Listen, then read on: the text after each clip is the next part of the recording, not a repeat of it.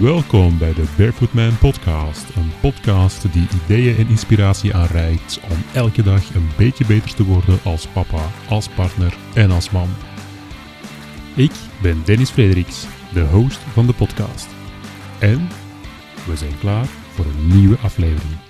Welkom iedereen, welkom bij de nieuwe aflevering van de Barefoot Man podcast. En Barefoot Man is een platform voor alle mannen van Vlaanderen en Nederland of bij uitbreiding alle mannen die Nederlands praten, die de uitdaging willen aangaan om elke dag een beetje beter te worden, beter worden als papa, als partner en dus als man in totaliteit. En deze podcast is bedoeld om die persoonlijke beweging van het beter worden, om die te ondersteunen met inspiratie, met voorbeelden, met ideeën. En de interviews of de gesprekken die ik heb met de verschillende personen, die zijn ook altijd vrij organisch, zodanig dat je ook de mogelijkheid krijgt om uit die gesprekken dat uit te halen wat voor jou op dat moment belangrijk is om effectief beter te worden. Wat die beter voor jou dan ook betekent. En vandaag hebben we weer een uh, nieuw mooi onderwerpje. Het onderwerpje namelijk van hoe creëer je nu een leven dat je zelf helemaal wil leiden. En we kunnen daar heel veel over vertellen, we kunnen daar heel theoretisch over doen. Er zijn ook heel veel coaches en consultants die daarop werken. Uh, ik moet bekennen, ik ben er zelf ook eentje van, in mijn andere activiteiten dan. Uh, maar dan blijft het altijd een beetje een verhaal met een dubbele bodem. Uh, want natuurlijk wil die coach of die consultant dan ook wel iets verkopen om je dat leven beter te maken. Dus daar gaan we vandaag niet in die richting. We gaan vandaag echt gewoon het persoonlijke verhaal horen van Olivier, Olivier Arends. Welkom Olivier. Goedemiddag, dag. Fijn dat je erbij bent. Fijn dat je erbij bent en fijn ook dat je je persoonlijke verhaal wil delen.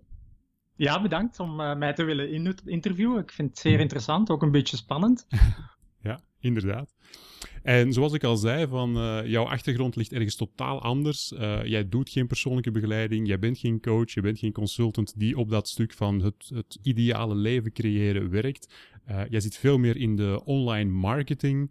je hebt ook een technische achtergrond. Hè. Je bent bij Alcatel nog ooit gestart en andere telecomzaken.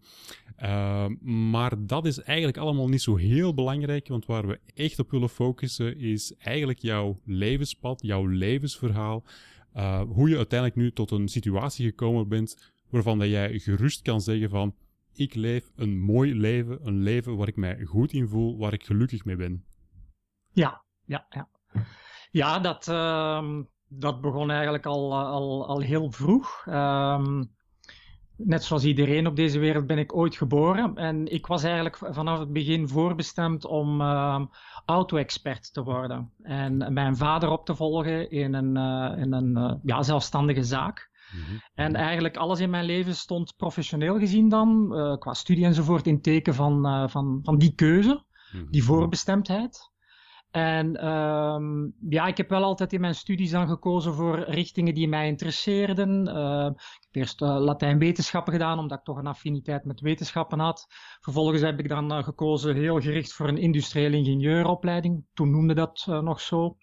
Uh, omdat ik meer de praktische kant van zaken leuk vond. Maar al die studies waren wel ook altijd mij in het achterhoofd van ik word auto-expert ooit. En dat is ook nuttig om de kennis die ik ga opdoen, om in die context te kunnen gaan gebruiken. Ja, ja en dan uiteindelijk was het zover. Ik werd uh, auto-expert en um, ja, ik had een leven voor mij liggen eigenlijk, dat ik mijn vader er langzaamaan zou opvolgen, um, dat ik zelfstandige zou zijn, dat ik, uh, dat zag ik ook al goed, goed geld zou verdienen, vanzelfsprekend een mooie auto zou hebben, uh, en gewoon eigenlijk, het, het, het, zag er heel mooi uit, mhm. maar ik voelde mij daar niet prettig bij.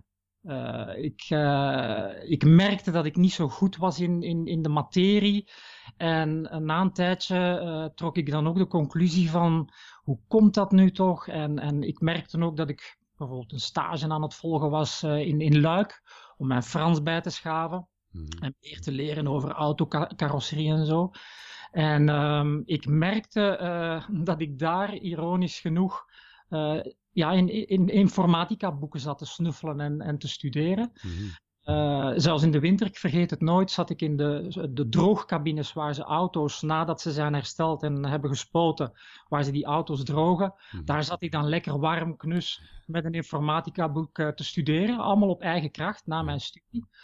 Ehm, ja, en dan heb ik op een bepaald moment die conclusie getrokken van mijn passie ligt niet bij die auto's, Mhm. maar echt in die informatica. Mhm. En uh, ja, toen heb ik achteraf verbaasd me dat toch wel echt besloten van ik stap eruit of ik, ik wil het proberen om, om eruit te stappen. Terwijl dat natuurlijk een, een enorme moeilijke keuze was voor mijn ouders, ook voor mezelf. Want ja, heel mijn leven had ik altijd gedacht dat ik dat zou worden. Ja, heel het pad was eigenlijk voorbestemd, lag ja. recht open voor jou. Ja. Ja. En dus ja, uh, ik heb dan op een moment dat eigenlijk, dat was eigenlijk midden jaren negentig, op een moment dat ik merkte dat al mijn schoolkameraden het ook vrij moeilijk hadden om, om echt uh, snel een baan te vinden, omdat er toch uh, in, die, in die periode vrij, vrij veel werkloosheid ook was. Mhm. Ja, en ik kon thuis in een uh, gespreid bedje stappen. Ja, heb ik toch besloten om voor die passie te gaan. En mijn grote droom was toen, je hebt het al vermeld, uh, mijn grote droom was om, om te kunnen werken voor een bedrijf zoals uh, voor Alcatel. Mhm. En uh, mijn eerste sollicitatiebrief was naar Alcatel. En met nog een heleboel andere brieven geschreven, echt tientallen. En achteraf beschouwd op al die tientallen brieven een, een negatieve respons gekregen, of toch vaak. En, en Alcatel reageerde met: kom maar eens op gesprek. Mm-hmm. Ja, en daar heb ik mijn verhaal gedaan en ja, gezegd waar ik wou voor gaan. En ik ben daar toen kunnen starten. Ja, en toen is het zeer snel gegaan. Want toen zat ik in een omgeving waar ik echt met netwerken in uh, contact kwam, computernetwerken. Het internet was toen uh, net aan het starten. Uh, firewalls, security enzovoort. Ik kwam gelijk in een project terecht. Mm-hmm. En ik zat echt in het leven wat ik had gedroomd en, en wat dan zich aanbood. Mm-hmm. Um, en ja, ik heb toen het geluk gehad dat ik samenwerkte met een projectleider die niet zo graag presentaties gaf uh, over, over het project, of die dat al heel vaak gedaan had en daar een beetje op uitgekeken was. Mm-hmm. En toen mocht ik als jonge snaak overal presentaties gaan doen. Dan kreeg ik heel veel visibiliteit. Mm-hmm. Ja, en binnen de twee jaar of drie jaar werd ik toen uh, gebeld door een headhunter ergens in het hoge noorden van Nederland. Mm-hmm. Of, uh, of ik geïnteresseerd was om, uh, om bij een groot telecombedrijf in, in Nederland te gaan werken. Met een internationale context. Ja, ja. Toen, toen ging het nog sneller. Toen kwam ik in een, een baan als, als security manager. Mm-hmm. en toen heb ik eigenlijk allerlei ehm, ja, wegen doorlopen. Ik ben toen ehm, in eerste instantie security manager geweest. Dan wou ik terug weer meer naar de techniek, omdat dat wat meer management was. Mm-hmm. Ben ik consultant geweest heel lang, security consultant vond ik zeer leuk, omdat je heel flexibel bent uh, in je werk en uh, kan, kan ja, mensen helpen. Mm-hmm. En zo ben ik dan langzaamaan doorgegroeid naar teamleider uh, en uiteindelijk management. ben ik echt een manager geworden van een afdeling, mm-hmm. die dan op tijd van een jaar zeer snel groeide. Mm-hmm. En toen kwam ik zo op een punt in mijn leven dat ik, ja, ik was manager. Ja. Iedereen had mij altijd gezegd van Olivier, wij zien jou nog, ook bij Alcatel zeiden ze dat, wij zien jou terugkomen als manager. Je hebt dat, je, je gaat dat kunnen enzovoort. Ja. Ik had ook net zo'n beetje als auto-expertise in mijn hoofd van ik moet manager worden of ik ga dat worden. Ja. En toen ik dat punt in mijn carrière had uh, bereikt, ja, voelde dat zoiets van oké, okay, ik heb hier een punt bereikt en wat nu? Ja, ja. ja. En ik merkte ook dat dat manager zijn wel, wel, wel ging en prettig was en zo. Maar ik vond het weer niet echt mijn ding. Echt waar mijn hart voor klopte. Echt die passie. Altijd. Uh, en, en, en, dat was toen nog een zoektocht. Nu ben ik daar veel meer achter. Waar, mm-hmm. waar ik echt, echt, ja, waar mijn hart sneller van gaat kloppen. Mm-hmm. En, um, misschien, misschien voordat we die beweging ja. gaan bekijken, hè, want dat is dan waar we eigenlijk de podcast nu helemaal op willen richten, van wat is er toen ja. gebeurd en hoe heb je dat dan, die transformatie in gang gezet. Uh, misschien even een sprongetje in de tijd, meer naar het nu. Ja. Uh, omdat ik in de, in de introductie ook al aangaf van, nu kun jij echt heel bewust zeggen van, ik heb een leventje waar ik mij goed in voel, waar ik trots Absoluut. op ben. Ja. Uh, dus hoe ziet dat ideale leventje van jou er de dag van vandaag uit? Uh, vandaag is dat, uh, ja, ik uh, formuleer dat als de ultieme vrijheid. Mm-hmm. In relatie met, met mijn passies. Um, ik heb naast het, ja, het, het IT-gebeuren, computers en het online gebeuren, internet, wat mij enorm fascineert, ook heb ik ook nog een andere passie. ik ben al jaren dag discjockey. En ehm, ik zit nu in een leven waarbij ik die twee passies en dan nog een derde passie, piano spelen, wat wel weer gerelateerd is met muziek, waar ik dat echt op elk moment dat ik dat zelf kies en ook wel rekening houdend met anderen, mhm. kan inplannen, kan organiseren en doen. Mhm. En ik heb gemerkt dat ik nu in een leven zit waarbij ik vroeger vaak last had om s ochtends uit bed te gaan. Mhm. Eh, op tijd. Ik, ik vond mijzelf ook altijd een avondmens, wat ook logisch was als discjockey. Maar ik heb nu gemerkt dat dat eigenlijk meer iets in mijn hoofd was, ochtendmens zijn of avondmens. Want er zijn dagen dat ik om half zeven, zeven uur opsta en al gezwind begin te werken. Mhm, en er mhm. zijn uh, dagen dat ik maar pas om half tien, uh, elf uur begin. Mhm, en er zijn dagen dat ik dan heel laat s'avonds doorwerk. Er zijn weekdagen waar ik niks doe. Er zijn zondagen waar ik zeer intens en lang zit te werken. En het is de ultieme vrijheid. En het continue gevoel dat ik bezig ben met, met, met dingen waarin ik gepassioneerd en geïnteresseerd ben. Mhm. En dat ik het allemaal zelf een beetje kan, uh, kan, kan organiseren. Mhm. En, mhm. en, en op tijd ook gewoon goed, uh, goed kan inplannen. En dat is echt, ja. Ik heb eigenlijk nu al een aantal jaar niet meer het gevoel dat ik werk. Ja. Ik heb echt het gevoel dat ik, en ik, ik, ja, ik, ik schaam me er ook niet om. Ik zeg het ook gewoon. Ja. Uh, ik heb het gevoel dat ik continu vakantie heb. Ja, ja. Maar ik werk. Ja. Alleen ik heb dat gevoel niet meer. Dat is echt gewoon, ja, een. een, een ik, ben ook, ik heb ook niet het gevoel dat ik met mijn hobby's bezig ben. Ja, een beetje dooddoener. Ik heb van mijn hobby mijn werk gemaakt, dat klopt wel. Maar het gaat veel meer om, om ja, wat ik graag doe. Hoe heb ik dat op een, op een ja, toch ultiem dan ook een beetje commerciële manier kunnen in de markt zetten. Mhm. Dat ik daar ook mijn brood uh, mee kan verdienen. En toch die ultieme vrijheid ervaren in relatie tot, tot ja, wat ik graag doe en waar mijn hart echt, waar ik zeer gepassioneerd over, over uh, kan praten dan ook. Ja, ja, ja, ja dat, dat hoor ik direct. ja.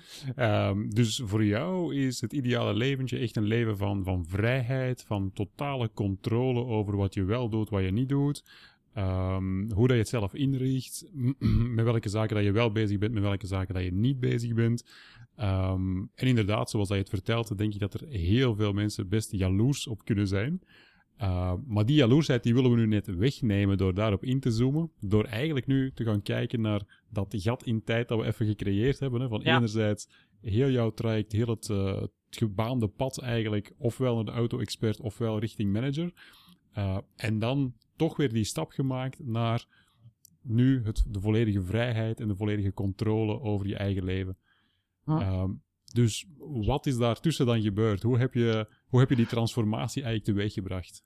Ja, ik ben, ik ben een enorme. Mensen die mij kennen weten dat ik een enorme denker ben. Ik, ik, ik continu soms op het tobberige af wel. Hè, in de zin van ik zie de risico's. Ik, ik, ik, heb ook vaak gedacht, of lang gedacht, dat ik een pessimist was. Mhm. Maar daar ben ik intussen achter dat ik dat niet ben. Ik ben eigenlijk iemand die uh, gewoon toch wel vrij optimistisch kijkt naar een situatie, maar die wel de risico's ziet. Mm en um, ik ben er intussen ook achter dat ik eigenlijk al vrij vroeg, uh, op het moment dat ik bijvoorbeeld auto-expertise was, dat ik uh, wel risico's durf te nemen.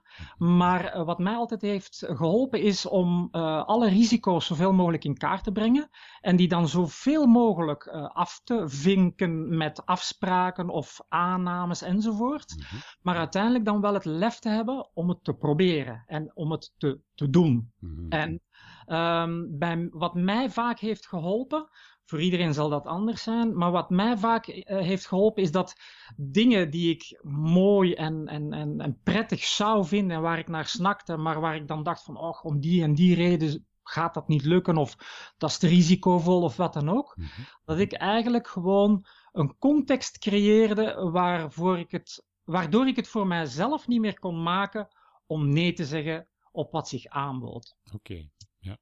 En uh, gaandeweg, want dat zijn continu dingetjes die, mee, die je meeneemt in je leven. Mm -hmm. Gaandeweg heb ik mij eigenlijk daardoor ook in een situatie gebracht waarbij ik die droom van zelfstandig ondernemer, mhm. waar ik echt gewoon, en nu durf ik dat ook gewoon te zeggen, waar ik het lef niet uh, voor had om dat te doen, om mhm. ondernemer te worden, waarbij ik tegen mezelf niet meer kon zeggen van, ga ervoor, probeer het. Mm -hmm. En uh, net zoals ik toen auto-expert was, ja, ga niet door in een leven waarvan je over 30, 40 jaar misschien gaat zeggen als je terugkijkt van had ik maar, of wat als. Ja, ja. Gewoon het proberen. En ik heb wel ja, situaties gecreëerd waarbij ik het echt voor mezelf niet meer kon maken om te zeggen van, ja, ga door met wat je doet, terwijl je toch naar dat andere snakt. Ja, ja. En ik heb het geluk gehad bij mijn uh, laatste werkgever. Uh, dat ik heel veel cursussen heb mogen volgen, ook, ook in het kader van dat management enzovoort. Mm -hmm. En ik heb ook een aantal cursussen uh, gevolgd die, die echt mij hebben geholpen, die mijn ogen hebben geopend van ja, het onderbewuste en het bewuste wat er met jezelf gebeurt, mm -hmm. richting het ideale beeld. Mm -hmm. En als je dat wil, of als dat interessant is, kan ik daar wel een beetje op uitweiden. Er zijn, zijn, zijn zo twee, twee cursussen die echt heel veel impact hebben gehad op mij. Mm -hmm. um, de ene is op een wat langere termijn, de andere is op een korte termijn. Ik heb ooit een cursus gevolgd en uh, die, uh, de naam van die cursus was My Best Year Yet. Mm -hmm. Ik weet niet of de cursus nog uh, bestaat, ik heb er wel nog een boek over liggen. En dat ging ervan uit dat je op elk moment in je leven kan zeggen van kijk, vanaf nu tot volgend jaar deze dag, dit wordt mijn beste jaar ooit. Mm -hmm. um, en dat kan je op elk moment, elke keer weer opnieuw doen. Ja. Want elke keer mag en kan je ervan uitgaan, dit jaar wordt het beste jaar ooit. En er zullen altijd dingen zijn, privéomstandigheden, werk of wat dan ook, wat, wat op je pad komt en, en dat moeilijk maakt. Mm -hmm. Het gaat meer om de mentale ingesteldheid. Mm -hmm. En in die cursus moesten we uh, vervolgens gaan bepalen van oké, okay, maar wanneer zouden we nu eigenlijk zeggen, bewust, mm -hmm. dit was mijn beste jaar ooit. Mm -hmm. Mm -hmm. En toen moesten wij ja, een aantal uh, zeer bewust onbereikbare doelen formuleren. Echt om, om duidelijk te maken van, ja, wanneer zou het echt je beste jaar worden? En een onbereikbaar doel, hoe maak je dat nu vervolgens bereikbaar? Ja. Ik heb toen, ik heb toen uh, bijvoorbeeld, dat is tien jaar geleden, die cursus. Ik vergeet het ook niet, omdat het zo mijn leven heeft veranderd. Ja. Toen heb ik gezegd van, kijk, ik ben discjockey, ik ben gepassioneerd door, uh, door uh, muziek. Het, hoefde, het moest niks professioneel zijn. En mijn droom was om te kunnen piano spelen. Mm -hmm. Ik had nog nooit muziekles gevolgd. Ik wist niet wat een solsleutel of een fa-sleutel was. Ik wist niks. Mm -hmm. Ik wist alleen muziek en ritme, dat was alles. Mij leek het fantastisch om piano te kunnen spelen. Dus ik had dat toen opgeschreven en toen moesten wij dat doel bereikbaar gaan maken. En dan ga je nadenken. Wat kan ik nu allemaal gaan doen? Ja, online cursussen volgen, boeken kopen, les gaan volgen in een school, privélessen volgen. Echt allerlei zaken. Mm -hmm. En dan is het een kwestie van, als je echt zegt van kijk, mijn beste jaar ooit zou zijn als ik kan bijvoorbeeld piano spelen, mm -hmm. ja, dan is het een kwestie om dat concreet te maken en in kleine stapjes te gaan onderverdelen. Mm -hmm. En dan uiteindelijk ook echt gewoon je handen uit de mouwen te doen en uh, te blijven proberen. Ja. En in mijn geval, in dit voorbeeld, ben ik eerst begonnen met een privélerares. En mhm. vervolgens ben ik zo gaandeweg echt nu, nog steeds, mhm. school. Ik zit terug in de schoolbanken. Mm -hmm. Waarbij ik in beginsel zou gezegd hebben, no way, ja. niet interessant. Ja. Maar vanuit die ja, die, die insteek van een onbereikbaar doel bereikbaar maken en de stapjes daar naartoe. Mm-hmm. En, uh, waar, je, waar je echt gepassioneerd werk van gaat maken. Mm-hmm. Ja, worden bepaalde dingen waar je niet aan denkt ook gewoon logisch om te doen. Mm-hmm. Als je dat doel voor ogen hebt, doe je ze gewoon ook. Ja, ja. ja. En hoe valt dat te rijmen met wat je er net zei van het zodanig voor jezelf in te richten dat je, dat je het eigenlijk niet meer kan weigeren voor jezelf? Um, dat, uh, dat link ik meer aan mijn professionele situatie. Dat wil zeggen, uh, als ik kijk naar bijvoorbeeld uh, als ik bij Alcatel werkte, ik had daar een mooie baan, mooie voorwaarden enzovoort. En ik kreeg een headhunter die mij uh, vroeg of ik uh, internationaal wou gaan werken. En, en, ja, dat was heel erg. Ik was toen twintiger, was bedreigend. Dat was echt, ik ben risicomijdend. En ik dacht, oh, wat, wat gaat daar allemaal gebeuren voordat ik het weet? Mm-hmm. Ben ik mijn baan daar kwijt en, en zus en zo. Mm-hmm. Ja, en toen ben ik gewoon, ja, wat ik dan noem, gaan onderhandelen over uh, punten over het loon, over de voorwaarden, over de context enzovoort. Ja, ja. ja, en uiteindelijk op dat moment in de tijd was het zelfs zo dat er uh, een, een, woonst werd geregeld even uh, tijdens de week, omdat ik echt in de weekenden nog altijd in België thuis wou zijn, mm -hmm. maar in de week daar. Ja, en één voor één werden die punten afgevinkt. Mm -hmm. En uiteindelijk, ik was bang. Ik was echt bang om te veranderen van baan, omdat ik een goede baan had, goed betaald en alles was in orde. Ik had een mooi leven, maar ik voelde wel een ambitie. Mhm. En al die voorwaarden die ik maar kon bedenken om het niet te doen, heb ik langzaamaan afgevinkt. Ja, en dan kon ik het uiteindelijk, ja, ik moest uiteindelijk wel zeggen van oké, ik ga ervoor en ik zet mijn aantekening en ik ga ervoor. Ja, ja. Maar ik had echt een context gecreëerd dat, gecreëerd dat ik het voor mezelf niet meer kon maken om, Ja, om nee te zeggen. En bij mijn laatste werkgever, voordat ik onder, zelfstandig ondernemer was, Mhm. was dat eigenlijk dezelfde situatie. Ik had het lef niet om echt zelfstandige te worden. Mhm. Want ja, de context in, in, in een familiebedrijf, eh, opvolger van je vader, is toch anders dan dat je zelf een bedrijf opricht en daar eh, eh, mee aan de slag gaat. Ja. Maar ja, daar, ik, ik wilde het wel. En zeker in relatie tot dingen die ik graag deed en, of doe. En ja, eh, er bood zich een zoveelste reorganisatie aan in het bedrijf. Mhm. En er was een context waarin ik, ik had een zeer goede relatie met mijn, eh, mijn, mijn manager. En ja, er was een context waarin ik binnen die reorganisatie, eigenlijk kwam het erop neer, iedereen werd ontslagen en moest opnieuw solliciteren. Mhm. Ehm, en er was een context waarin ik opnieuw kon solliciteren. Voor een baan waar er een gereden kans was dat ik die opnieuw zou krijgen. Mhm. Maar er was ook een, ja, als ik niks deed, dan werd ik gewoon ontslagen. Mhm. En dat was ook weer die context waarbij ik zei van kijk, ja, ik kan hier nu solliciteren, maar ik kan mij ook laten, bij wijze van spreken, ontslagen of de context versterken waarin ik het bedrijf moet verlaten. Ja. Ja, en dan kon ik het eigenlijk voor mezelf niet maken om, om echt gewoon daar niet op voor te gaan. En heb ik er natuurlijk wel gebruik gemaakt van, van de context die er is, Mhm. om richting dat punt te gaan waar ik naartoe wou. Mhm. En eh, dat was een heel bewuste keuze. Maar ik zei al, er zijn twee cursussen geweest die, die mij enorm hebben veranderd. Die ene was Best Year Yet. Mhm. De tweede is ehm, wat ik noem, ehm, daar vind je heel veel over op internet, eh, de Perfect Day. Mhm. Ehm, ja, als je dat intikt in Google, de Perfect Day Exercise of eh, ja, iets in die hoek, dan vind je daar heel veel over terug. Mhm. En dat komt erop neer dat je eigenlijk een, een, een punt in de toekomst definieert. Zeer ver mag dat zijn, niet bepaald wanneer, tien jaar, vijf jaar, één jaar, doet er niet toe. Maar waarin je een beeld eh, voor jezelf schept van de ideale dag. Mhm. En dan niet een dag waar je aan het zwembad zit met een cocktail en lekker lui, maar echt je ideale professionele dag, een werkdag. Ja. Het is de ideale dag.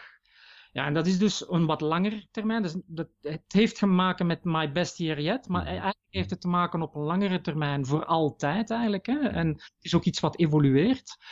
En ehm, ik heb die oefening toen ook eh, gemaakt voor de eerste keer. En toen was mijn ideale dag ja, echt die, die vrijheid. Kiezen wanneer ik opstond, eh, kiezen wanneer ik ga slapen, kiezen wat ik doe, eh, bij klanten zitten, mensen helpen, eh, al met de techniek ook bezig zijn. Echt weer terug diep die techniek in, maar wel in combinatie met, met een, een, een business- en zakelijke insteek. Dus niet puur de bits en de bytes, maar echt waar doe je het allemaal voor? En dan met name online. Ja. Ik had zo'n perfecte dag voor ogen. Van s ochtends opstaan, krantje lezen. Eh, voor mij dan is dat ideaal. Of, of, of, of wat blogartikelen. eh, eh, een koffietje drinken. Wel, ja, heel af en toe eens uit huis en ergens een ontbijtje gaan nemen. Of, of bij een klant of zo. Eh, in allerlei aspecten. En de oefening is eigenlijk dat je dat voor de hele dag doet. Van s ochtends vroeg tot s avonds laat. Mhm. En dat je het zo gedetailleerd voor jezelf uitmaakt van wat zou nou nu een ideale dag zijn. Mhm. Je mag dat op papier doen, je mag dat in je hoofd doen. Mij hield dat, ik heb dat nooit op papier gezet, maar ik deed dat vooral omdat ik heel veel nadenk in mijn hoofd. Ja, ja. En het opmerkelijke, dat is echt wat mij nog altijd intrigeert, is dat, dat je na een hele tijd in die perfecte dag zit. En Mhm. terecht. Mhm. En de uitleg die daarachter komt, want men legt dat dan wel uit, is dus dat eh, als je zeer bewust nadenkt over waar je naartoe wil en wat ideaal zou zijn, Mhm. dat je in je alledaagse dag, eh, leven, vandaag, morgen, overmorgen, zeer vaak bewuste en onbewuste keuzes maakt. Mhm. En eigenlijk veel meer onbewuste keuzes maakt dan bewuste keuzes. Mhm. En ehm, ja, ik, ik, eh, ik, ik heb alleen maar kunnen vaststellen dat, dat het werkt. Mhm. Eh, na een tijd heb ik echt inderdaad gemerkt dat ik in mijn ideale dag zat. En ehm, dus dat je blijkbaar, als er zich dingen in je leven aanbieden, dat je op dat moment meer onbewust dan bewust Mhm. die keuzes maakt die jou, om, zonder dat je het doorhebt, zo dicht mogelijk bij je ideale dag eh, brengen. Ja, ja. En het grappige is dat ik eh, eigenlijk nu eh, in mijn, mijn ideale dag zit, maar dat ik ook merk dat dat weer evolueert. Mijn Mhm. ideale dag van vroeger is niet meer mijn ideale dag van nu. Ja, ja. En het verschil nu bijvoorbeeld is dat mijn ideale dag vroeger was dat ik zei, de ultieme vrijheid. Mhm. Heel vaak alleen. zijn. Ik ben graag ook alleen. Ik Mhm. ben niet echt een eenzaad. Ik, ik ben graag onder de mensen, maar ik ben heel graag alleen. Kan ook heel lang alleen zijn. Mhm. En dat was dus een onderdeel van mijn ideale dag. Mhm. En wel met, met ondersteuning op afstand en kennis eh, delen enzovoort. En diensten online enzovoort leveren. Maar ik merkte wel op een bepaald moment van, hmm, dit is niet meer helemaal mijn ideale dag. Mhm. En als ik de oefening dan opnieuw deed, Mhm. ja, dan zaten daar veel meer aspecten in van meer bij mijn klanten zitten en meer, meer eh, contact met mensen hebben en Ja, eh, netwerken en dat soort dingen. Eh, want ik ben op zich ja, geen echte netwerker, eh, maar ik heb wel geleerd om het graag te doen. Dat klinkt raar, maar ik ben Ja. geen echte netwerker, maar ik, ik heb het wel geleerd. En, en als zelfstandig ondernemer is het natuurlijk zeer belangrijk om onder de mensen te komen. Uiteraard. En dus dat mixt zich dan met, met aspecten, want het, het continu, eh, bij wijze van spreken, eh, alleen zijn in je ideale dag die je dan hebt en de ultieme vrijheid, was eh, ultiem ook niet meer ideaal, omdat je dan ook elementen begint te voelen waardoor je zegt van hm, dit, dit, dit klopt niet meer. Ja, ja. ja. En dus de boodschap is eigenlijk om dat op regelmatige wijze te doen. Of je continu bewust te zijn van, oké, ehm, zonder al te filosofisch te worden, maar je loopt hier een keer op de eh, aarde rond. Have fun, gewoon en echt. Mhm. En waar ik wel voorzichtiger in ben geworden is, het, het kan al heel gauw zeer egoïstisch klinken. Mhm. Of, eh, ja, het is hè, mijn perfecte dag en laat mij met rust. Of, ja, eh, ja, ja, dat allemaal op jou gefocust is. Ja. Want onderdeel van mijn perfecte dag is dat ik echt het gevoel wil hebben dat ik mensen kan helpen met, Mhm. met eh, mijn kennis. Mhm. Mhm. Eh, ehm, en, en ja, dat, dat mensen daar ook mee geholpen zijn. En, en ja, dan, dan, dan dat, dat ga je niet kunnen als je alleen in een hok ergens zit of eh, dat, dat, dan heb je die interactie nodig. Ja, ja. Nu hoor ik drie belangrijke sleutelmomenten of sleutelitems. Uh, en ze zijn bij jou misschien niet zozeer aan elkaar gelinkt, maar ik zie er wel een heel grote link in. Hè? Van enerzijds uh, die ideale dag die dan verder in de toekomst ligt, waar je langzaamaan naartoe streeft. Ja. Uh, anderzijds, om dat dagelijks in praktijk te brengen, zou je dat ook kunnen doorvertalen naar de best year yet. Uh, van als ik Ja. dat, die ideale dag ooit wil bereiken, wat moet ik daar dan het komende jaar eigenlijk voor doen? Dat je daar even heel uitdagende doelen in stelt voor jezelf. Ja. Uh, en natuurlijk, wanneer dat je heel uitdagende doelen begint te stellen, ja, dan zullen die ook wel wat, wat angsten teweeg brengen. Ja. Van hoe, hoe moet ik daar nu instappen? Hoe moet ik daar aan beginnen? En dan geef je eigenlijk aan van ja, creëer dan ook zodanig de context rond die doelen, dat je het eigenlijk niet meer kan weigeren. ja, en gun je ook kleine stapjes. Mhm. Dat heb ik ook enorm geleerd. Ehm, er is heel veel te doen en ik geloof daar absoluut in, in duidelijke doelen stellen en ook hele eh goede deadlines daarvoor definiëren. Mhm. Maar maak die ook realistisch. Dus maak de, de, de, de weg naar je doel eh, meetbaar in heel kleine stapjes. Hoe kleiner, hoe beter. Mhm. En maak voor elk van die stapjes eigenlijk het moment in de tijd haalbaar. Want je kan, je kan wel zeggen, ja, ik wil eh, morgen bij wijze van spreken eh, om, om of elke dag als ik dat graag zou willen, om smiddags opstaan. Maar als je nu in een, in een context zit waarbij je een, een bediende bent of zo, dan kan dat ook niet. Dus Ja. dan, of vaak niet, meestal niet. dus dan, het moet ook realistisch blijven. eh, en, en ja, maak het klein. En ik heb ook geleerd om mezelf niet te frustreren met als ik een bepaald doel of een stapje niet haal. Mhm. eh, om daar ook vrede mee te hebben. En niet zoals je vaak eh, hebt dat, ehm, dat je zegt van eh, op 1 eh, januari, ik ga bijvoorbeeld klassiek, eh, ik stop met roken. Ik heb nooit gerookt, maar een voorbeeld, ik stop met roken. Ja. En dan na twee weken rook je een sigaret. Ja. En hup, alles is weg. Ja, gun je dan gewoon even het falen en de dag daarna begin je opnieuw. Mhm. En alles wat je wint, win je en ga daar gewoon mee verder. En Mhm. Uh, om den duur merk je dat zich dat versterkt. Uh, gewoontes opbouwen is ook een hele krachtige. Mhm. Als je erin slaagt om langzaamaan die gewoontes die uh, in, je, in je zitten om te buigen, dan begin je daar om den duur niet meer over na te denken. En uh, ja, de lange termijn, zo ben ik nu ook, ik ben me daar nog maar recent van bewust, Mhm. toch vaker bezig met mijn ideale dag als ik gepensioneerd ben. Ja, ja, ja, ja. ook dat schuift ik mee mijn- op natuurlijk. Dat schuift op en ik, be- ik besef nu ook dat mijn ideale dag uh, als ik gepensioneerd ben, niet is dat ik gepensioneerd ben. Dat ik niet meer werk. Ja. Maar dat ik wel nog zal werken, absoluut dezelfde dingen doe die ik nu leuk vind of het moet evolueren. Mhm. Maar dat het tempo waarin ik dat zal doen en uh, de momenten waarin ik dat, dat zal doen, dat ik er rekening mee hou dat dat lager zal moeten zijn Mhm. Uh, of zal zijn. Mhm. En mijn ideale dag is op dit moment, als ik ver in de toekomst kijk, nog altijd doorspekt met werken. Vanuit ook die passie die er nu is. Ja. En er moet zeer veel gebeuren dat die passie volledig gaat weghebben ver in die toekomst. Want dat, ik, dat maakt zo'n intrinsiek deel uit van mijzelf, Mhm. dat ik mij niet kan voorstellen dat dat gaat verdwijnen. Mhm. En ik heb, ik heb nog maar recent begrepen, noem het een beetje naïef, maar ik, ik, op televisie zag ik een interview waarin iemand mij zei: waarom verlangen zoveel mensen naar hun pensioen? Mhm. En is dat zo'n ge- afgebakend moment van: oké, bij wijze van spreken, nu gaan we leven? Ja, ja. De persoon zei ook: eh, ja, dat is uiteindelijk omdat je dan de ultieme vrijheid hebt. Mhm. En, en, en echt je, je ding doet zoals je dat zou willen doen. Mhm.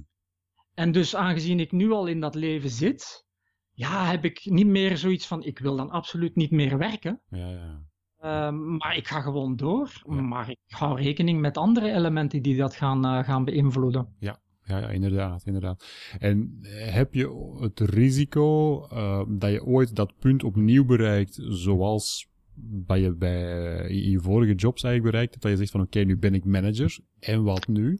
Dat je ergens zo die ideale dag bekijkt en dan op een bepaald moment zoiets hebt van ja, nu zit ik erin. Wat nu? Prachtige vraag, prachtige vraag. Ehm, want daar ben ik ook achter gekomen. Ik heb het één keer meegemaakt als ik manager was. Ehm, ik ben heel voorzichtig in hoe ik het verwoord, maar ik had toen het gevoel van: ik sta op de top van een berg Mhm. en wat nu? Ja. En ik rond en ik dacht zo van: ja, ik heb die top van die berg bereikt. In, in, eh, in een context, er zijn hogere bergen enzovoort. Maar ik had een top van een berg bereikt en ik dacht: wat is dit nu? Dit wil ik niet. Ik Ja. wil die top van die berg niet bereiken. Ja. En ik heb geleerd, en sindsdien, en dat was ook een onderdeel van mijn ideale dag, dat ik, en dat is ook wat ik nu elke dag ervaar, ik ben elke dag aan het klimmen. Mhm. En ik creëer eigenlijk elke dag, ik zie een top, maar elke keer eh, is die top hoger en hoger en hoger. Mhm. Mhm. En ik wil eigenlijk die top niet bereiken. De reis naar die top Mhm. vind ik zo zalig. En ook gaandeweg, onderweg naar die top, eh, tussenstopjes eh, bereiken, op een plateau komen, daar even van genieten, maar weten dat het nog verder kan. Eh, dat, dat, is, dat, dat moet ik zeggen, dat is een enorm belangrijk onderdeel. Daar ben, daarom ben ik zo enthousiast over je vraag.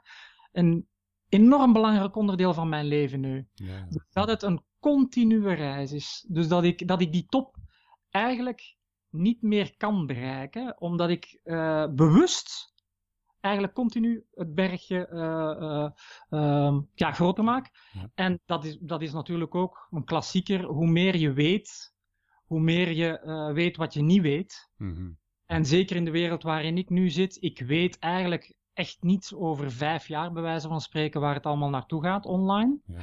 Soms pakt mij dat wel en is dat bedreigend, zeker omdat ik ouder word. En ja, er zijn ja, jaarlijks mensen die afstuderen enzovoort. Mhm. Eh, maar die markt vergroot ook. Mhm. Maar ik weet niet waar ik over vijf jaar mee bezig ben als zelfstandig ondernemer. Ja. Eh, we gaan naar artificiële intelligentie, we gaan naar zelfrijdende auto's, we gaan naar ja, het werk wat overgenomen wordt, links, rechts, allerlei jobs die verdwijnen. Er komen er wel weer terug, al dan niet gevoed door mensen die afstuderen of vanuit de, de, de zaken. Ja. Maar daar richt ik mij niet op. Ik richt mij gewoon op het dagdagelijkse.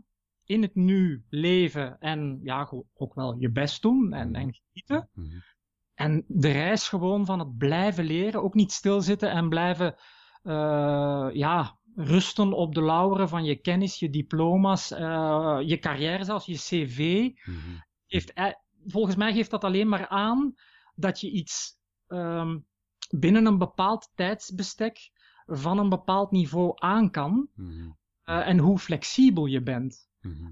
Uh, ook een, een, diploma als je afstudeert van, van, van, van de school, de universiteit enzovoort, geeft ultiem, geeft ultiem aan wat je aan kan. Want ik heb uiteindelijk ja, mijn pad drie jaar of vier jaar nadat ik was afgestudeerd, volledig een andere kant uh, uh, gegeven. Ja. Ik ben ervan overtuigd dat dat zelfs nu, met al die nieuwe dingen en de context enzovoort, diploma's blijven belangrijk. Hè? Dus daar, daar niet.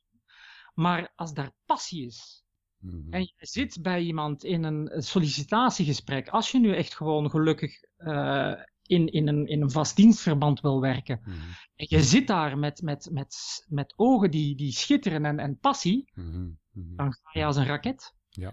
Inderdaad. inderdaad. Dan, dan worden jouw kansen gegeven en dan, dan, dan ga je gewoon. En dat is zo belangrijk dat, dat je probeert dat voor jezelf. Mij heeft dat enorm geholpen, voor iedereen zal dat anders zijn. Dat je probeert dat te vinden. Ja, En eh, dat je ook. Ja, iemand vroeg mij onlangs: Ja, maar Olivier, was je dan vroeger niet, niet gelukkig? Mhm. Vrienden, hè? Ja. Ik, ik was zeer gelukkig en ik, ik ben zelfs een hele periode mij zeer bewust geweest van wat ze noemen de gouden kooi. ja, ja. En ik zat in mijn gouden kooi en ik was gelukkig. Ja. Ik zeg, kijk eens wat een prachtige gouden kooi. Maar op een bepaald moment was dat inderdaad die top van die berg dat Ja, ik zeg, ja, de belemmering en dan kwam de vrijheid die dan veel meer dan opspeelde. gaat en- het deurtje open. Je, krijgt ook, dat, moet zich ook, je moet er ook alert voor zijn hè, dat er zich kansen aanbieden. Je, moet ook geen, geen, je moet niet alles overboord gooien of zo. Mhm. Maar je moet de kat een beetje uh, uit de boom kijken. Ik, ik ben met mijn eigen zaak begonnen in 2010. Mhm. En toen echt het balletje aan het rollen uh, ging, ja, moest ik, ik kwam op een punt dat ik moest kiezen tussen mijn eigen zaak en uh, ja, in loondienst blijven. Mhm. En ja, het grappige was dat dat allemaal, ja, en ik dicht dat deels toe aan die perfecte dag en, Mhm. en mijn bewustwording daar rond, Mhm. dat dat allemaal op, op, op zijn plek begon te vallen. Ja. En dat ik op een bepaald moment, ook al had ik het lef niet om echt ontslag te nemen en daarvoor te gaan, anderen zullen dat wel hebben. Dus die hebben hun eigen uh, chemie en, en setting daarin. Maar dat dat dan gebeurt. En dat je in elk geval uh, nooit achterom moet kijken en zeggen. Het zijn klassiekers, maar ze kloppen toch ook wel. Van had ik maar, Ja, of ja. als. Ja. Of um, ja, zelfs als je het lef niet ergens in hebt, creëer dan een context dat je, dat je voor jezelf. Dat het wel veilig is en dat het wel kan. Dat het veilig is en dat je het, dat je het bij wijze van spreken niet meer kan, Ja, kan ja. uh, weigeren. Voor jezelf. Nu, nu wil ik even advocaat van de duivel spelen hierin. Uh, Graag. Want jou, jouw verhaal klinkt fantastisch en heel inspirerend.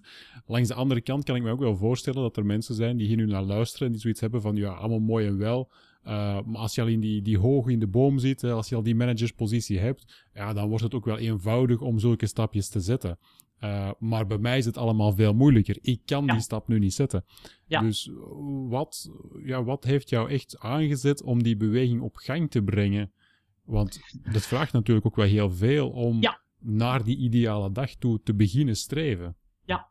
Ja, wat ik altijd interessant vind is dat uh, als mensen kijken want, uh, naar, naar, naar andere mensen en, en zien uh, hoe goed ze het hebben, of hoe, hoe vrij ze zijn, of hoeveel ze verdienen, of welke auto's ze hebben enzovoort, dan zien zij een resultaat. Mhm. Maar zij zien niet de weg daar naartoe. Ja. En ik ga absoluut niet zeggen dat ik continu gelukkig ben. Ik heb ook mindere dagen. Er zijn ook enorme tegenslagen die uh, gebeuren soms. Um, ik heb uh, ja, ook soms foute beslissingen gemaakt enzovoort. Mhm. Um, dus ja, en ik ben ook wel voorzichtig. Ik snap absoluut wat je zegt in de zin van, och, uh, en ik zit in een mooi leven enzovoort. Dat is voor mij het mooie leven. Iemand die dit hoort kan zeggen, ja, dit is absoluut niet wat ik zou willen. Nee. Het gaat mij meer over, over de mentale ingesteldheid, dat je dat je niet naar anderen kijkt en gaat zeggen van, oh, ik wil ook die resultaten en dat je meer in een sfeer van frustratie en jaloezie enzovoort zit, Mhm. maar dat je heel bewust bent van, ja, goed, uh, als ik zo'n zo'n zo'n auto uh, bijvoorbeeld belangrijk vind, ik zelf vind dat minder belangrijk. Mhm. Ja, uh, wat zou ik dan kunnen doen om met die Porsche of met die Ferrari of die Maserati of wat dan ook te gaan rijden? Mm En met wat, wat inventiviteit en ook weer die passie en dat hart, mm ben ik er gegarandeerd van overtuigd dat je dat dan kan realiseren. Mm en het zal soms heel moeilijk zijn. En het zal soms ja, proberen en proberen zijn en, en, en blijven gaan. Maar ik ben ervan overtuigd dat je op een bepaald moment zeer dicht op zijn minst bij dat doel gaat, uh, gaat, uh, gaat komen. En al was het dat het in het beginsel was, ik, ik gebruik graag vergelijkingen, mm -hmm. in het beginsel alleen maar die, die, die chique auto's mag wassen. ja. Uh, maar, maar, maar goed, dat je in contact komt met de mensen. En, en uh, ja, zelfs als, als je introvert bent, ik zie daar allerlei contexten dat je dat, je dat wel dat dat haalbaar moet zijn. Ja. Als je natuurlijk vanaf het begin zegt van het is niet haalbaar, ja, en dat is ook wat zo'n cursus van My Best Year Yet uh, probeerde te doorbreken. Mm -hmm. Is ja, als je al, al, zegt van dit gaat nooit gebeuren, mm -hmm. dan ga je ook geen kleine stapjes bedenken, ga je ook niks ondernemen en dan gaat het ook niet gebeuren. En dan wordt het een self-fulfilling prophecy. Uh, maar als er enigszins ja, interesse, passie en, en een wil is, mm -hmm. ja, dan, dan, dan, dan ben ik er echt absoluut van overtuigd dat, dat heel veel mensen mhm. de grote meerderheid kunnen bereiken wat ze willen. Alleen ja, je moet ook opletten met. Uh, ik zeg het, nu heb ik weer, weer andere doelen. Ik zit in mijn perfecte dag, maar op, op een heleboel vlakken is hij niet meer perfect. Ja, ja, ja. Nog verder evolueren. Dus je moet daar ook niet hoog van de toren blazen. En dat is altijd, ja, dat is een, een beetje een balans die je moet vinden. Hè? Uiteraard, uiteraard. Ja, en ik vind wel een heel belangrijke wat je net aangaf, van zorg ervoor dat die stapjes klein zijn en dat er altijd wel die passie blijft. Uh, want en gun je fouten. Echt gun, gun die fouten. Ja, ja, ja, inderdaad, inderdaad. En dan heb je zeker die passie ook weer nodig en echt dat geloof in dat doel dat je jezelf gesteld hebt. Want elke keer met die fouten geconfronteerd worden en die kleine vooruitgang toch maar zien, uh, ja, dat kan het misschien de, de, energie soms wel eens weghalen. Ja. Maar als dan inderdaad de passie het overneemt, ja, dan, dan kan je blijven stappen natuurlijk. Ja. Ja, en wat heel veel helpt is ook natuurlijk dat je op, en die zijn zeldzaam in een leven, uh, dat je echt een, een, uh, een, wat ze dan noemen, een uh, accountability partner. Dat is dan in het Engels, omdat ik ook Engelse cursussen enzovoort. Maar dat is dat je iemand hebt, dat kan je eigen partner zijn, dat kan iemand zakelijk zijn, dat kan een goede vriend zijn of wie dan ook.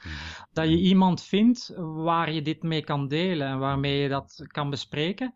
En waarbij je ook, en dan zit ik meer denk ik in jouw hoek, uh, van uh, professie, waarbij je eigenlijk zegt van oké, okay, wat zijn die stapjes dan, wat zijn die doelen? En mm. dat je dan ook eigenlijk die spiegel voorgeschoteld krijgt. En dat is dan wat volgens mij een coach ook doet, in de zin van, ja, vorige keer hebben we uh, gezegd dat je dit en dat zou proberen. Wat heb je wel gedaan, wat heb je niet gedaan? Waarom is dat niet gelukt? Wat zou je kunnen doen om het wel te laten lukken? Ja. En dat je eigenlijk continu ook echt gewoon die zoektocht doet. Mm -hmm. En dat je je, zo heeft het bij mij ook gewerkt bijvoorbeeld bij pianoles. Mm -hmm ja, ik oefen wel omdat ik elke week bij die leraar of lerares zit en ik, ik wel iets wil kunnen tonen. Mm -hmm. Maar ik kan net zo goed zeggen, ik ga niet meer naar de les, ik stop ermee. Ja, ja. Maar het feit dat ik mijzelf verplicht en, en ja, accountable maak richting die lerares, ja.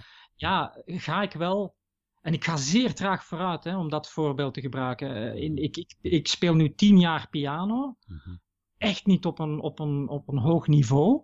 Maar ik heb wel al een punt bereikt dat ik bijvoorbeeld zonder partituur iets kan spelen. Ja. Ah, dat is een onbereikbare droom voor mij. Nu kan ik dat al. Ja, ja. Ik weet nu dat het stuk wat ik speel, dat dat echt beginnersniveau is. Maar ik, ik zie ook dat als iemand kijkt en luistert, die totaal niks van piano spelen kent, dat hij zegt, wauw, wat kan jij? Ja. En dat is ook weer op dat spanningsveld van je weet maar wat je niet weet als je op dat pad gaat. Ja. Ik ga nooit de uh, Elisabeth-wedstrijd spelen. Ik heb ook die ambitie niet. Mm -hmm. Maar dat is wel die top waar ik ja, gewoon naartoe uh, ga. Ja, ja, ja. Ik, ga, ik ga die top ook nooit bereiken.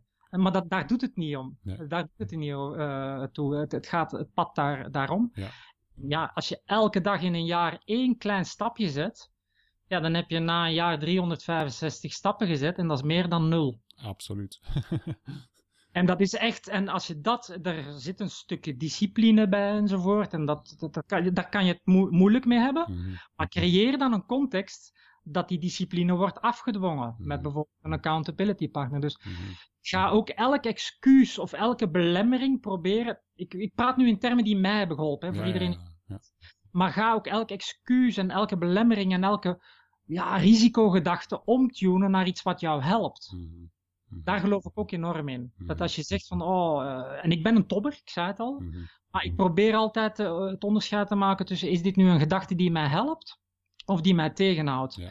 Als het mij tegenhoudt of afremt, hoe kan ik die gedachte dan omvormen naar iets wat mij helpt? Of waar ik echt van zeg van, ja, dit heeft gewoon geen zin. Maar eh, dat risico bijvoorbeeld, of die schrik, die angst die ik heb, Mhm. kan ik die afvinken? Wat kan ik allemaal doen om dat af te vinken? En als, Mhm. ja, dan doe je je best en dan heb je gedaan wat je, wat je moet doen. Ja. En dan, ja, dan, dan wordt het leven zoveel gemakkelijker. Ja. En, en nogmaals, er zijn moeilijke dagen. Er zijn ook dagen als zelfstandige dat ik soms denk van, waar ben ik mee bezig? Ja, En, ja. en dat heeft dan niet alleen met, met financiën te maken. Vaak wel, hè. Dus dat er, dat er soms, ja, Mhm. weet ik het, eh, veel eh, tegenslagen zijn. De belastingen die eh, binnenkomen of de sociale zekerheid. En je had toch weer even iets over het hoofd gezien of wat dan ook. Mhm. kan van alles en nog wat zijn. Mhm. Maar als je dat doel hebt, ja, dan ga je gewoon door. Ja, en dat doel, dat is dan voor jou ook de, de ultieme drijfveer. Dat, dat zorgt ervoor dat je telkens weer opnieuw die, die energie vindt om het te herkaderen, om er anders mee om te gaan. Of... Ja, ook dat is een zeer goede vraag, want ehm, ik ben er nog niet uit of dat nu te maken heeft met het steeds ouder worden. Mhm. Maar ik, ehm, in tegenstelling tot vroeger, geniet ik veel meer van het moment, het nu. Ja. Echt in het nu. En daar gewoon, ja, gewoon niet te veel in die toekomst zitten nadenken. Mhm. En ehm, ja, ik praat nu ook in, in termen, ik wil daar niet te wollig in worden of filosofisch, maar bijvoorbeeld dingen zoals yin en yang. Mhm. eh, wat men, dan- dat, dat, dat, ja, 10, 15 jaar geleden moest je daar niet mee, mee bij mij komen. Mhm. Eh, ik, had daar, ik had daar niks mee. Nu begin ik dat ook te begrijpen, dat het nooit zwart en wit is, dat het grijs is. Mhm. En bij mij helpt dat ook om enorm nu te genieten van het leven eh, wat zich elke dag aanbiedt. En ook niet te veel alleen maar in die toekomst te leven. Van die, dat deed ik vroeger zeer veel. Ja, Eh, Die in, die, in die toekomst leven en te vergeten in het, in het nu. Mhm. Eh, ehm, ja, en als ik dan de, de, de link maak naar, naar het papa zijn en mijn dochter, Mhm. eh, heeft dat er ook toe, toe geleid dat ik veel bewuster nu eh, eh, en ook een veel betere, in mijn beleving, relatie heb met mijn dochter. Ze wordt natuurlijk zelf ook ouder, Mhm. maar dat, dat ik daar veel intenser mee bezig ben en, en veel eh, me- meer me daar bewust van ben, Mhm. geniet, eh, dan vroeger. Ja, ja, ja. ja. Het is, het, is, het, is, het is niet zwart-wit en, en het is niet alleen maar het een of het ander. Eh, het, is, het is je eigen balans vinden. Ja. Ik heb al een, een hele tijd het gevoel, en dat is, ja, ik kan niet anders zeggen dan dat dat zalig is. Ik heb al een hele tijd het gevoel dat ik in balans ben. Mhm. Continu dingen in het leven op mij inbeuken die dat, eh, die dat eh, veranderen. Ehm, eh, ja, eh, we hadden voor het gesprek het ook eh, voor, vooraf al even over privéomstandigheden. hè. Mhm. eh, vrij slecht nieuws gekregen over, over mijn, de gezondheid van mijn moeder. Ja, dat zijn dingen die op je inbeuken. En, en waar je dan, ja, ja, dat moet je een plek geven, dan ga je verder. Eh, dus het is, En heb je daar bepaalde systeempjes voor, die je voor jezelf hanteert of gebruikt, Ja. om dat dan wel terug op niveau te krijgen? Ja, eh, de vraag die ik mij altijd stel, eh, want ja, ik, ik, ik, ik lees en leer veel over die dingen, omdat je daar continu in groeit. Mhm. Wat mij in die hoek veel eh, helpt, is ehm, het onderscheid maken tussen iets waar je invloed op hebt Mhm. en geen invloed op hebt. Ja. En invloed ergens op hebben, dat kan je nog indelen in twee dingen. Dat kan je indelen op rechtstreeks invloed op hebben. Ik kan rechtstreeks invloed hebben op jou omdat ik jou ken. Mhm. Eh, of indirect invloed hebben op iets. Als jij een bestuurder bent van de stad en wij kennen elkaar, dan kan ik eh, indirect nog invloed op jou uitoefenen om iets in de stad aan te eh, passen of wat dan ook. Mhm. Als ik ga stemmen in het stemhokje, kan ik nog een beetje invloed, maar dan, dan, is dat, dan zit je echt al aan de buitenkant van mijn invloedcirkel. Mhm. Mhm. Ehm, en wat mij helpt is dat zodra ik weet dat het buiten mijn invloedcirkel is, Mhm. echt maar echt buiten mijn invloedcirkel, dan zit je in wat ik noem het frustratiegebied. En eh, dan helpt het mij om zeer bewust te zijn van, zit het nu buiten mijn invloedssfeer? Dan kan ik alleen maar zeggen van, goed, ik heb er geen invloed op. Of ik laat mij daardoor frustreren. Ja. En mij helpt het om dat te doen. Ja. En natuurlijk, ik kijk met heel veel respect naar bijvoorbeeld uh, bepaalde mensen die zeer gepassioneerd in gebieden zitten, ook liefdadigheidszaken uh, enzovoort, en die daar ook wel uh, dingen veranderen. Mm -hmm. Maar het boeit mij ook in de zin van, ook die mensen volgens mij moeten op die rand van frustratie en waar heb ik nog invloed op acteren, Ja. om elke dag naar huis te kunnen gaan en een, een prettig gevoel te hebben. Ja, ja. En dus zodra het. ehm, ik ga het even cha- chargeren. Ehm, ik heb al een tijdje het gevoel dat ik mij niet meer laat frustreren eh, door zaken in het leven. Mhm, mhm, Want of ik heb er invloed op mhm, en ik vecht er tegen, mhm, of ik heb dat niet meer en dan kan het mij alleen maar frustreren, want ik heb er geen invloed op. mhm. Laat ik het gaan. Ja. En ook in de privésfeer is dat natuurlijk bijzonder hard. Als je, als je eh, geen invloed hebt op de gezondheid van iemand, mhm. dan moet je dat een plek geven. Ja.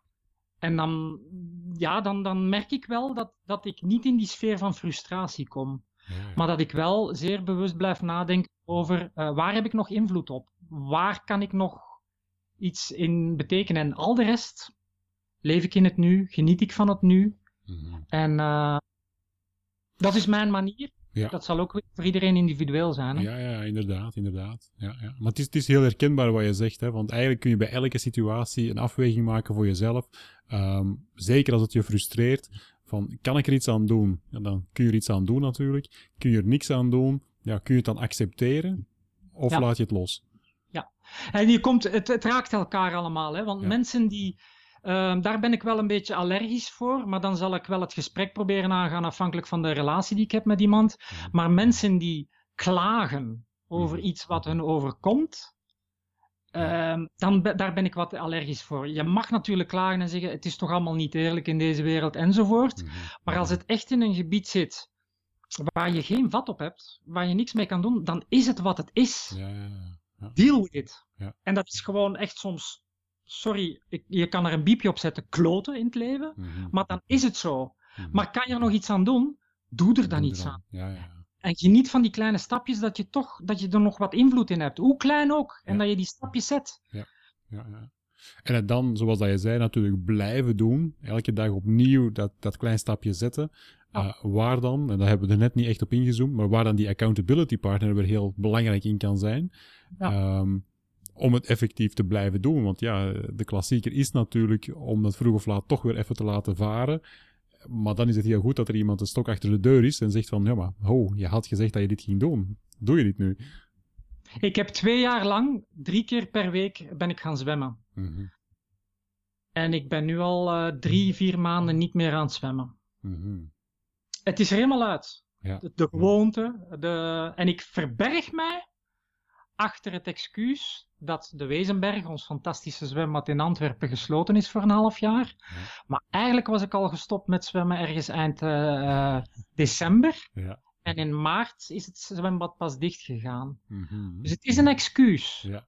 Ja. En ik wil nog gaan zwemmen. Ik wil ook in die mate gaan zwemmen, want ik merk dat het mij fris houdt en, enzovoort. Mhm. Maar er is nog iets wat mij nu tegenhoudt. En, en Mhm.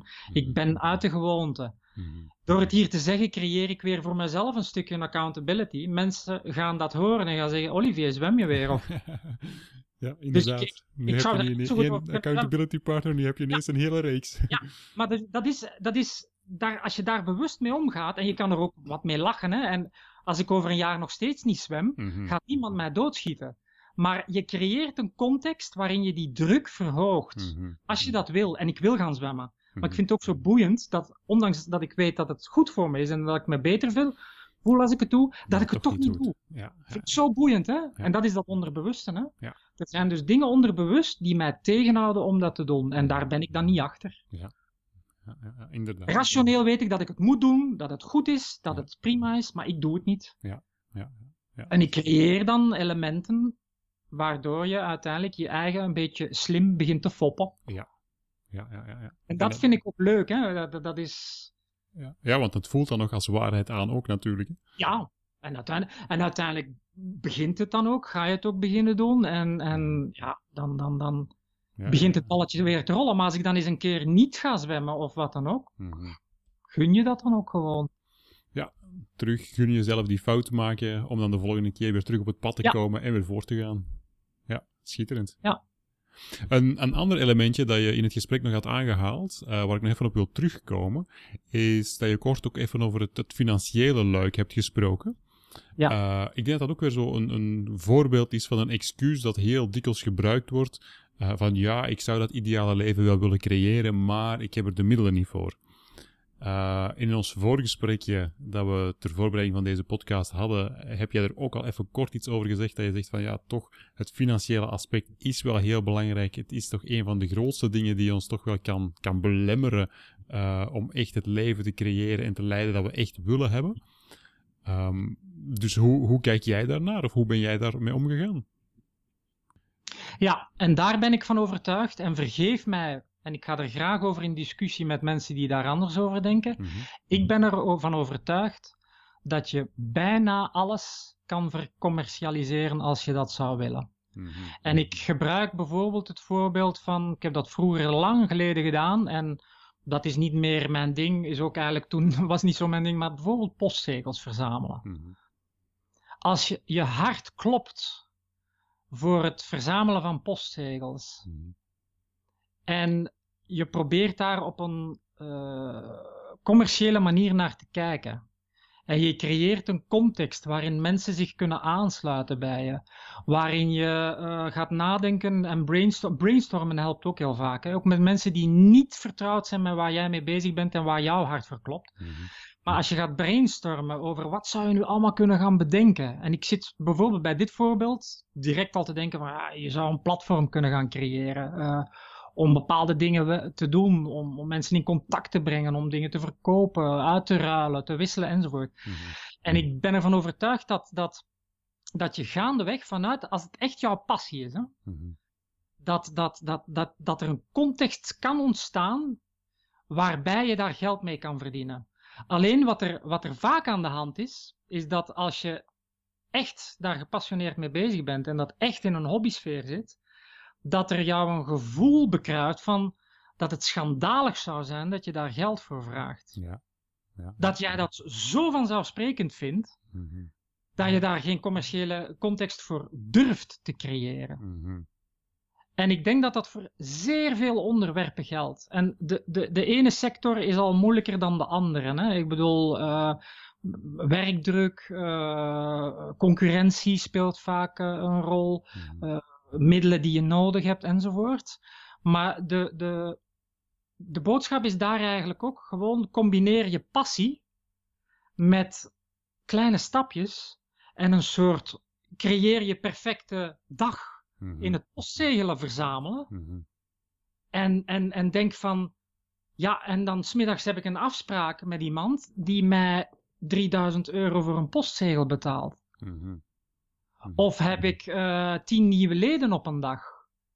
Ja. Die mij elke maand een bedrag voor allerlei toegevoegde waarde betalen enzovoort. En ik, dat is, ik heb in, in mijn laatste baan heb ik heel lang in innovatie ook nog gezeten. Mhm. En daar heb ik echt geleerd dat um, gewoon een wit bord nemen en daar gaan brainstormen. En het kan zo gek niet zijn als je maar wil. Mm dat, dat, en dan wel schrappen van ja, dit niet en zo, maar dat je alles wat je maar kan bedenken vervolgens gaat in een context praten. Ik, kan, ik zou daar een uur over kunnen praten. In de zin van, uh, oké, wat zijn nu allemaal die belemmeringen die ik kan bedenken om dat niet te doen? Mm -hmm. En hoe kan ik die nu omdraaien om het wel te doen? Mm -hmm. En dus dan ga je, het, het hangt weer samen, hè? dus dan ga je eigenlijk gewoon, ja, als ik kijk naar een Elon Musk, als je hem niet kent, hè, de man die naar Mars wil. Ja, absoluut. Ja dat is echt een onbereikbaar doel, bij wijze van spreken. er zullen redenen genoeg zijn om het niet te doen. En die man heeft nu een raket uh, gemaakt. Ik weet niet of je de beelden hebt gezien. Absoluut. Mooie uh, herrecycleerbare raketten die weer dalen en, en landen. Mm -hmm. Dat is een stapje naar dat, naar dat onbereikbare doel. Ja, ja. En echt, je kan het zo gek niet bedenken. Of ja, de weg daar naartoe maakt het mogelijk. Of onderweg ga je ook leren van, oké, ja, die perfecte dag die ik voor ogen had, of dat perfecte doel, dat is eigenlijk niet zo perfect. En je gaat, gaat daarvan afwijken, maar je gaat het gevoel hebben dat je klimt, Ja. dat je doorgaat en dat je gewoon evolueert en dat je niet, ja, gewoon blijft vastzitten eh, in dingen die je, ja, niet prettig vindt of niet ideaal. Ja. ja. En als dat wel zo is, puur van genieten in het nu en het gewoon eh, laten gebeuren. En altijd wel rekening houden met het feit dat het niet blijft altijd ja, duren. Ja, ja, inderdaad. altijd, en dat, dan, dan kom je ook in gebieden zoals eh, waar je een andere podcast over had, eh, denk ik, over sparen en dat soort zaken. Je moet altijd risico's inbouwen en, en, en je voorbereiden. Ja. En als je al die puzzelstukjes, en, en dat is op zich gewoon ook spellen. De, de mens is een spelend dier, hè? Ja. uiteindelijk gezelschapsspelen enzovoort Ja. zijn er niet voor niets. En ook nu artificiële intelligentie, ja, het kan ons uren nog laten babbelen. Ja, ja. Maar, maar, maar bezie het, het leven als een spel Mhm. en soms verlies je daarin. Hè? En, maar dan, dan speel, ja, probeer dan mens erger je niet te spelen. ja, ja, inderdaad, inderdaad. Mooi, mooi, mooi. En soms is het, ja, ik, blijf het zeggen, het is soms wat te gemakkelijk om te zeggen als je, ik heb dat punt nu, misschien zit ik volgende week in zak en as en denk ik van, wat verdorie, Wat heb ik daar gezegd? allemaal gezegd. Maar ja. Ik, ja, ik heb nu wel zo het gevoel van, dit, dit, dit is zalig, dit mag Mhm. blijven duren. Mhm. En ik heb een, een bepaalde mate van, eh, dit kan ook wel blijven duren. Mhm. Er zijn altijd dingen die kunnen gebeuren. Er zijn ook mensen die je wat kunnen flikken, bij wijze van spreken. Of die jou eh, bedriegen, of die, eh, die financiële zaken, of wat dan ook. Ja. Probeer stap voor stap daar verder mee te gaan. Ja, ja. En wat zou nu, want jij hebt dat punt inderdaad bereikt, hè, maar wat zou dan de grootste tip of aanbeveling zijn die je iemand kan meegeven, die nu heel jouw verhaal hoort en die zelf zoiets heeft, al dan niet vertrekkende vanuit een, een, een lastige situatie, maar die echt wel zoiets heeft van, ik wil die stappen ook zetten, ik wil ook opschuiven naar die ideale dag. Wat is dan jouw tip of aanbeveling? Ehm, goh, ik vind dat een lastige vraag, maar ehm, dan zou ik zeggen, en ik doe het zelf eigenlijk ook onvoldoende, dat is, ehm, het valt mij altijd op hoe snel de tijd gaat, hoe snel de tijd voorbij gaat. En dat we zeggen, oh, er is weer een week voorbij of weer een maand, oh, is het alweer nieuwjaar. Mhm. En hoe ouder je wordt, hoe sneller dat gaat. Mhm. Ook omdat er eh, ja, dingen herhalen en, en, enzovoort. Maar ik merk anderzijds ook dat als je bijvoorbeeld eens naar de dokter moet gaan Mhm. en je zit daar in die wachtzaal en je zit daar te wachten, dat de tijd stroperig is. Mhm. Dat je echt Mhm. zegt van, dat duurt hier echt lang. En ik geloof er wel in, en ik zeg het, doe het te weinig zelf, maar dat je gewoon probeert in de zetel te gaan zitten en gewoon een kwartiertje, een half uurtje, eventjes bewust probeert na te denken over hoe je je voelt en waarom. Mhm. En dat dan probeert te projecteren in relatie tot, als het niet helpende gedachten zijn, om te tunen naar helpende gedachten, maar ook in de relatie tot wat zou nu veel prettiger en idealer zijn. Mhm. En een beetje, ja, het is, soms, het is een combinatie van even tijd pakken en nadenken gewoon. Mhm. Dat doe ik wel van nature. Sommigen doen dat minder, denk ik. Mhm. Eh, alhoewel, ik denk dat iedereen denkt eh, en iedereen eh, bezig is. Alleen, het is een mate van zeer bewust jezelf verplichten in het nu van, oké, hoe voel ik mij nu en waar wil ik naartoe? Ja. En als je dat doet, denk ik dat je langzaamaan dingen gaat zien veranderen. Dat is mijn ervaring. Ik heb, ik heb daar geen formule voor of ik heb geen bewijs. Mhm. Maar ik heb het wel zelf ervaren en op het puntje dat je mond bijna openvalt van... Dat je echt zegt Ja. van, het gebeurt ook echt. Ja, ja, ja. En het kan toeval zijn, hè. Maar ik denk dat je toeval kan sturen. Ja, ja, ja, plus het is ook een kwestie van focus natuurlijk. Hè. Als je er zo Ja. bewust mee bezig bent, eh, ja, we kennen allemaal wel dat experimentje hè, van eh, denk aan een, een rode auto, focus daar En je ziet overal heel- rode auto's. En overal zie je plotseling rode auto's. zie je hem overal rijden. Ja, voilà, inderdaad. Hè. Dus Ja. ik denk dat dat met heel veel zaken zo is, dat je op het moment dat je er heel sterk de focus op legt, ehm, ja, dan heb je ook de, de mogelijkheden om dat mogelijk te maken. Of dan zie je althans de kansen om dat mogelijk te maken. Wat niet wil zeggen dat de kansen er ervoor niet waren, maar nu zie je ze en nu neem je ze. Nee. ja. Ik heb een goede kennis en die, die, die zit in een gouden kooi nu. Mhm. En uh, die geniet daarvan, te volle. ja. En uh, we hebben daar ook gesprekken in, want ik heb daar ook in gezeten. En ik ben op een ander punt in mijn leven dat ik daar niet meer in zit. Uh, maar ik denk zelfs dat je als ondernemer, zelfstandig ondernemer, in een gouden kooi kan zitten. Mm -hmm. Zeker. Ja. Maar, maar, maar als je er bewust van bent en, en van geniet, ja, eigenlijk mag je het dan niet eens meer een kooi noemen, want het, en dan weer misschien wat te filosofisch, maar de heel, het hele leven is een kooi. Hè? Ja. Uiteindelijk, je wordt geboren en uh, je gaat ooit door. En natuurlijk, je kan geloven in uh, dingen daarna enzovoort, maar de context waarin we hier zitten is, is op zich, in, in, als je het heel, heel, negatief zou bekijken, is een kooi. Is een kooi, ja. En daarbinnen moet het dus, gebeuren en daar moet het mee doen. Daar is niks mis mee. Ja. Daar is niks mis mee. Dus, dus maar geniet ervan en, en, en ja, Bewust, bewust genieten ook. Uh. Mm -hmm, mm -hmm. Ik vind het een, een, heel inspirerend verhaal. Ik hoop dat het ook heel veel mensen echt warm maakt om voor zichzelf dat ook vast te nemen. Want ik heb nog altijd het idee dat er nog veel te veel mensen zijn die, die toch maar gewoon in een patroontje leven. Die ja. elke dag opnieuw herhalen wat ze de vorige dag dat. gedaan hebben. Mij boeit dat. Ik zie dat ook vaak. Ja, ja, ja. ja. Waar jij ik praat hier graag over met mensen. Dus ik was heel blij dat je mij uh, uitnodigde voor een interview. Mm -hmm. Maar ik heb vaak het gevoel dat we inclusief mezelf, vaak gewoon in de waan van de dag bezig zijn. En dat ja. we ons vaak dit soort bewuste gesprekken gunnen. Ja, als we een wijntje of een biertje op hebben, of als we. Uh, maar die micromomentjes, zelfs tijdens een werkdag, ik, ik, ik geloof daar wel in dat dat kan. Mm -hmm. Alleen ook dat is een mate van bewustzijn dat je het gewoon doet. Ja, inderdaad. Je, je gaf aan dat je hier graag over in gesprek gaat met mensen, dat je mensen daar graag op inspireert en op uitdaagt. Uh, als er nu personen zijn die jouw verhaal nu gehoord hebben en zoiets hebben van, goh, ik wil hier met Olivier verder over praten, uh, hoe kunnen ze jou bereiken? Uh, ze kunnen mij bereiken via Online Expert, de naam van mijn bedrijf. Ja. Dus daar ben ik zeer gemakkelijk bereikbaar via mijn e-mailadres, Olivier apenstaartje online-expert.be. Uh -huh. Of als ze echt zin hebben in een, uh, in een feestje, dan kunnen ze mij ook bereiken op uh, info.djolivier.be. Uh-huh. En dus via die twee wegen kunnen ze mij uh, zeer gemakkelijk bereiken. Ja. En ja, ik ben altijd in voor een koffie of een, een goed gesprek. Ja. En dan is het wel een kwestie van dat gewoon zeer goed en tijdig plannen. Ja. En dat soort dingen maken echt een onderdeel uit van mijn ideale dag. Ja, dus graag. Dat, uh, dat kan ook gewoon een, uh, een gesprek over het leven zijn.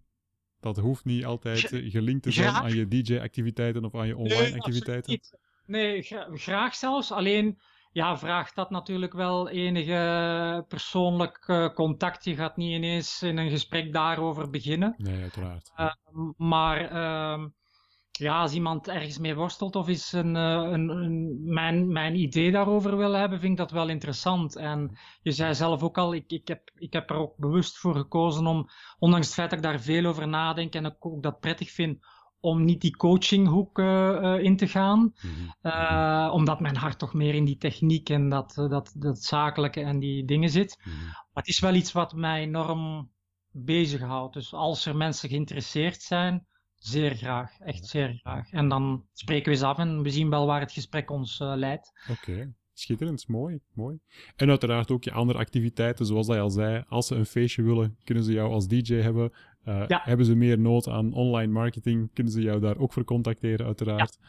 Dus ja, het online marketingstuk is echt uh, gefocust op uh, het stuk van betere vindbaarheid. Dus uh, met je eigen website zo goed mogelijk gevonden worden, op een natuurlijke wijze of met advertenties, dus dat wil zeggen SEO en SEA voor de specialisten. Mm-hmm. Dus dat je zo hoog mogelijk in die zoekresultaten zit. Mm-hmm.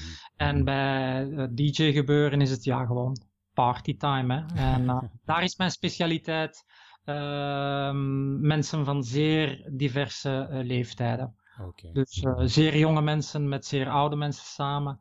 Daar, dat is voor mij iets wat ik graag doe en wat veel discjockeys heel moeilijk vinden. Ja, ja. Maar dat doe ik al vrij lang en heel graag ook. Oké, okay, super, super. Wel, en een ander kanaal of platform om meer over het, het, filosofische stuk of over het leven te praten, ook gelinkt aan die accountability partners, is natuurlijk Barefoot Man zelf. we hebben daar onze Facebookgroep, uh, waar mannen ook op kunnen intekenen, lid van kunnen worden. De Facebookgroep op zich is ook volledig gratis. Uh, ik zal ook zorgen dat jij uiteraard mee in die groep zit. En... Graag, super idee. en als er dan over gesproken kan worden, is dat natuurlijk ook een, een rechtstreeks kanaal om daar uh, het gesprek op gang te brengen, elkaar er ook op aan te spreken, eventueel onderling ook die accountability partners te zoeken. Ja, uh, met exact. personen waar, het dan, uh, waar je een klik mee voelt of die dezelfde vooruitgang willen bereiken. en dan kan er nog heel veel buiten dat platform onderling gebeuren natuurlijk. Maar dat is een beetje het idee van Barefoot Man, van we, we reiken inspiratie aan, we reiken het platform aan. Uh, je kunt elkaar er ontmoeten en wat je er dan allemaal mee doet, dat is natuurlijk aan iedereen die erin zit om er iets mee te doen, naar eigen goeddunken. Ja, ik vind het een prachtig concept. Dankjewel, Echt, uh, dankjewel. Uh, we gaan zeker ook nog verder uitbouwen natuurlijk. Hè. Het is uh, nog allemaal niet zo heel lang bezig, uh, dus het moet nog groeien. nu merk ik ook dat er nog heel veel mannen toch wat afwachtend in zitten. die zoiets hebben van, ja, het lijkt wel iets, maar mm, wat en hoe. Uh, maar ik denk dat ik zei het ook de... toen we elkaar leren kennen van hm, ik heb het niet zo met uh, van die dingen. Ja. Maar hoe meer je erover vertelde en hoe meer uh, ik erover zag, ja, ik ben echt wel een fan al. schitterend, schitterend. Ja. wel, en het is natuurlijk ook een beetje de, de kracht van de nummers hè, die daarin meespelen. als je met vijf personen in een, in een Facebookgroep zit, ja, dan gebeurt daar niet heel veel. Zit je daar met 500 in, dan is er natuurlijk al veel meer activiteit. Dus ik denk dat we daar ook onze tijd moeten gunnen, dat het gewoon groeit en uitbouwt. En dan uh, zal de activiteit wel na van hand mee stijgen natuurlijk.